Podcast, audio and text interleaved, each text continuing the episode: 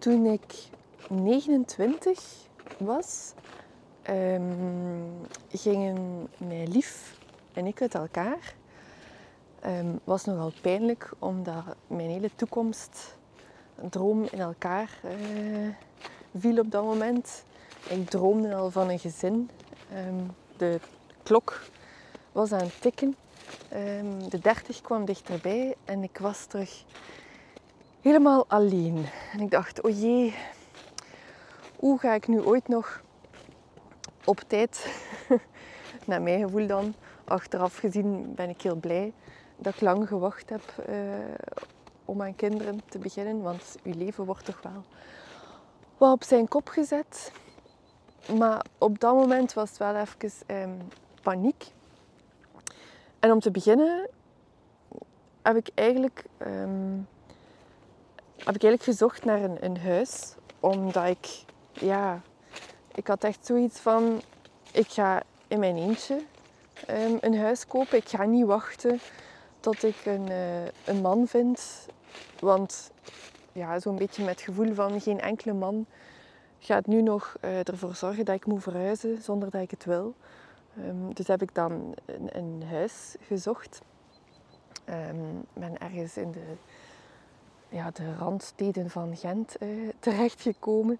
Um, en daar was op dat moment een, een tuintje. Goh, ik weet niet, ik denk dat het perceel 300 vierkante meter was. Dus met het huis erop en dan uh, de tuin, pak dat er nog iets van 150 vierkante meter tuin uh, achter het huis overbleef. en dat was zo'n zo'n zo'n tuintje in een wijk waar dat je eigenlijk allemaal ja, uh, lange, smalle tuinen achter elkaar hebt. Met uh, van die prachtige bekerdraad, groene draad, met van die rechthoekige hokjes erin uh, had. Waar dat je eigenlijk, ja, als je, van zodra dat je je terras afliep, dat je dan ja, hup in de tuin van de buren uh, keek en zijn die van jou. Dus ja, dat, dat was wel een uitdaging. Ik heb dat huis dan in mijn eentje gekocht, maar niet veel later, um, want ik had niet zoveel geduld, vond ik toch uh, een nieuwe partner. Um, eentje die de vader van mijn kinderen zou worden. Um, en die hield natuurlijk ook wel mee om daar in dat huis, in de, in de buurt van Gent, om daar een thuis van te maken. We hebben daar ook onze kinderen gekregen. Um, eerst een meisje en toen een jongen. Dus we waren wel uh, heel gezegend. we zijn nu hoeveel jaar verder? Uh, ja, 15, 16 jaar verder, denk ik. 17 bijna. En het is iets minder romantisch geworden dan dat ik allemaal dacht. Maar ja, het is wel fijn dat we die droom hebben kunnen waarmaken. Um, en die, die tuin daar, um, dat was eigenlijk mijn allereerste tuin. En, en ja, wij waren vrij snel samen nadat ik dat huis gekocht had. Dus het voelde ook echt als onze tuin. En um, dat was eigenlijk één grasveld. Ik denk achteraan stonden er wat struiken en zo'n prachtige Tiroler chalet in het midden van de, van de tuin, um, waar dat je eigenlijk op uitkeek. Dus het was wel een uitdaging om daar iets, iets gezelligs van te maken. Ik had toen nog niks van tuinarchitectuur gestudeerd, maar het, ik vond het wel boeiend om daarover na te denken. Ik denk dat ik honderden plannetjes heb getekend over wat er allemaal mogelijk was. Hoe dat ik dat lang, recht stuk gras kon ja, omtoveren tot tot iets moois en ook iets waar dat je niet zo het gevoel had van ik zit in de tuin van de buren. Zonder dat je eigenlijk moest een, uh, ja, een schutting plaatsen, die ook niet altijd even mooi is. En waardoor dat je natuurlijk een stukje, ja, dat, ook dat, dat tunnelgevoel nog meer gaat benadrukken als je daar allemaal houten platen zet. Um, en ook dat was duur. We konden dat op dat moment, de, de kost, de aankoop van het huis was al duur geweest. Dus om daar nog eens van die uh, houten schuttingen te zetten, dat was wel uh, weer een serieuze investering. Um, nu, dat, ja, dat, dat ging dus gepaard met heel veel trial and error. Um, ik wist toen nog niet dat je moest durven om vlak bij het terras ook wat groen te voorzien. Dus de, de ingrepen bleven meer, meer achteraan eigenlijk in de tuin. Maar ik weet wel dat ik zo vrij... Ja, er zat zo ook een uh, regenput in de tuin. En dat ik daar toch wel, ehm, ook wel plan, een plantengroep heb gemaakt. Met ook een struik die de hoogte inging. Of was nee, het was een krulwilg, denk ik. Uh, die mijn, uh, ja, mijn vriend die ik toen kreeg... Um, ooit eens gekregen had voor Pasen, denk ik, een tak in de grond. En dan werd in één keer een hele boom. Dus die heeft daar, uh, is daar de grond in gegaan. En ja, dat ging gigantisch snel. Pas op als je een krulwilg of een wilg koopt, dat groeit gigantisch snel. Um, maar daardoor kregen we toch een beetje meer ja, dat tuingevoel en allerlei um, plantjes en stekjes vanuit de tuin van mijn mama heb ik dan ook gehaald. Of van een vriendin van mijn mama ook zelf nog, die haar tuin was zo uitdunnen. Die had dan ook allerlei planten cadeau gedaan. En zo werd dat eigenlijk wel een, een heel fijn ja, stadstuintje. Wat, het was nog niet, er kon nog veel verbetering aan, maar het was toch al gezellig. En ook als er zo dan een keer de eerste verjaardagsfeestjes van de kinderen en zo, en er kwam familie op bezoek, was dat wel fijn om in die tuin te zitten en toch wat meer het gevoel te hebben van oké, dit, dit is toch al wel veel mooier en minder saai dan de grasvlakte die het eerst was. Um, dus ik was daar eigenlijk wel best, best trots op, op die tuin. En, en ja, dat, ik had toen nog niet door dat ik daar echt iets mee wou gaan doen als job. Maar ik voelde wel al van, oh, dit is wel, dit, dit doet wel deugd. Ook toen ik zwanger was, daar in de tuin, ja, met handschoenen dan. Want, want ja, ik was, in, was dan niet resistent voor toxoplasmose. Dus dan, sindsdien heb ik eigenlijk uh, met handschoenen in de tuin gewerkt. Terwijl ik dat vroeger niet kon verdragen. Dat is heel gek hoe dat je dan toch verandert in, um, ja, in wat dat je gewoon bent. En dus ik zie me daar nog zitten op mijn klein stoeltje in de tuin, onkruid te wieden. Uh, af en toe keer zwaaien naar de buurvrouw. maar wel ja, in zo'n... Ja, dat was eigenlijk wel mooi geworden. En toen kwam het moment dat we inderdaad twee kinderen hadden gekregen. Um, en het gevoel hadden van, oei, dat wordt hier eigenlijk wel te klein voor ons. Um, onze zoon sliep ook niet door, dus dat waren eigenlijk hele lastige nachten. Dus we zaten er mentaal ook wel wat door. Um, maar we voelden van we willen, we zaten ook dicht bij de R4, bij de ring rond Gent.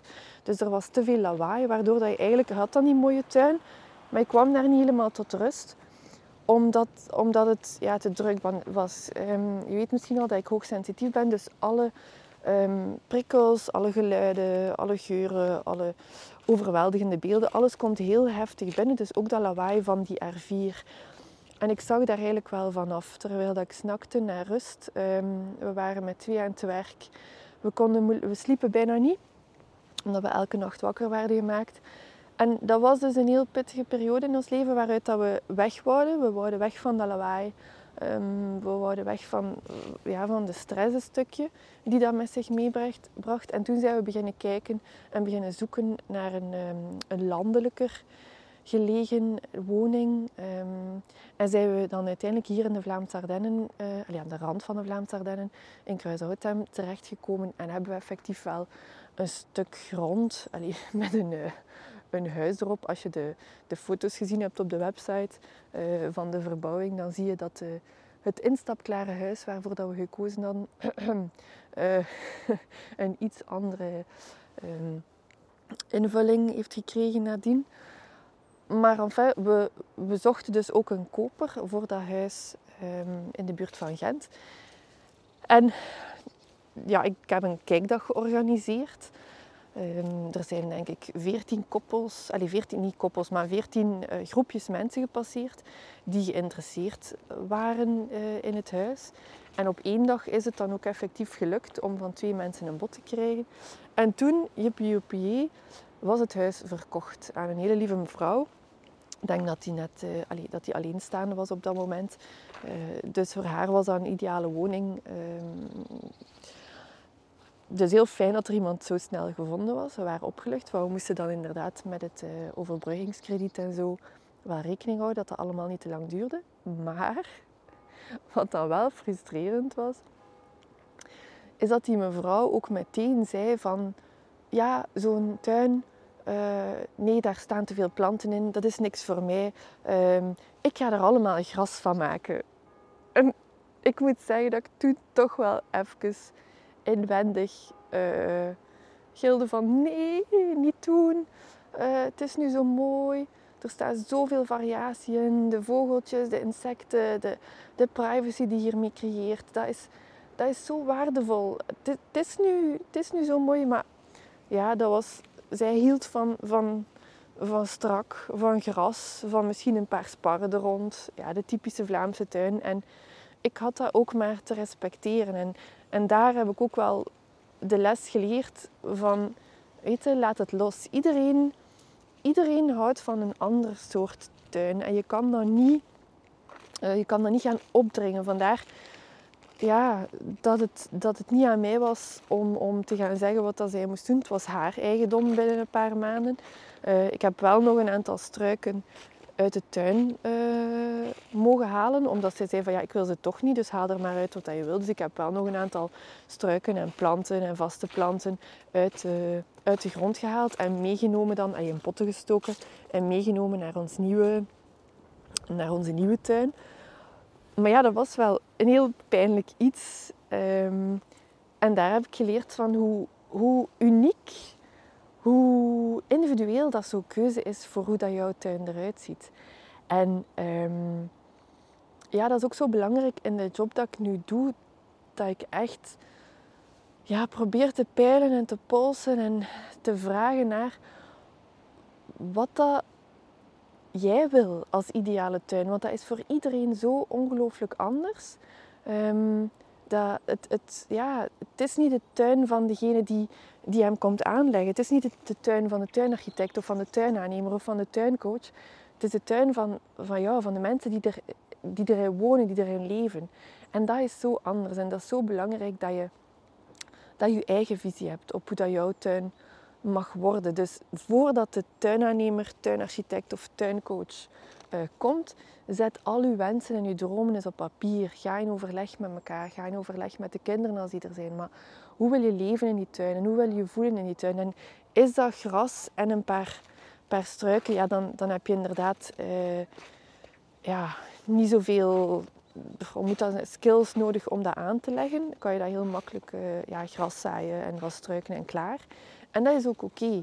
Um, maar voor die mensen die het inderdaad minder uh, saai willen en die er effectief wel wat leven in willen brengen, is het super leuk om, om daar plannetjes voor te maken en om daar gewoon ja, los in te gaan en van alles op te zoeken en eventueel iemand in te schakelen die met je meedenkt, omdat je het ja, groter plaatje niet altijd helemaal ziet of gewoon blijft twijfelen over waar zal ik nu een plantvak maken en waar ga ik dat tuinhuis zetten.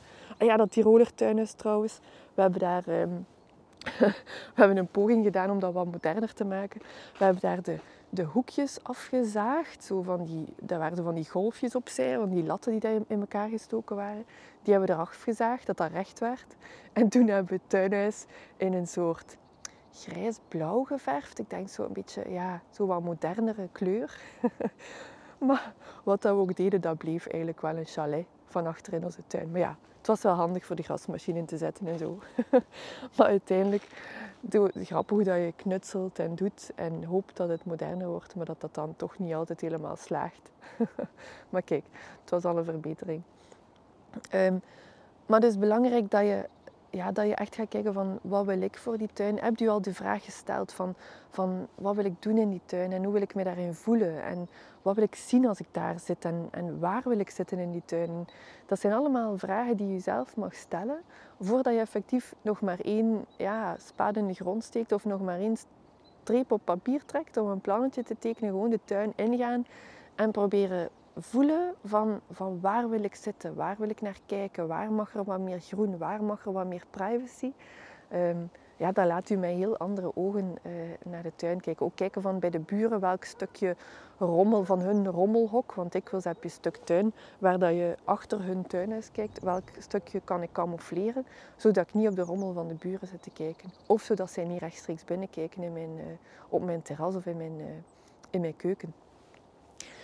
Dus ja, um, elke tuin is zo uniek. Ik, ik hoop echt dat je de goesting vindt om uh, eens te gaan nadenken voor jouw tuin, wat dat, wat jij eh, nodig hebt om daar gelukkig te zijn, om je te amuseren en om ervan te genieten om het zelf aan te leggen, stap voor stap. Ehm, als je mijn hulp nodig hebt, uh, je weet mij te vinden.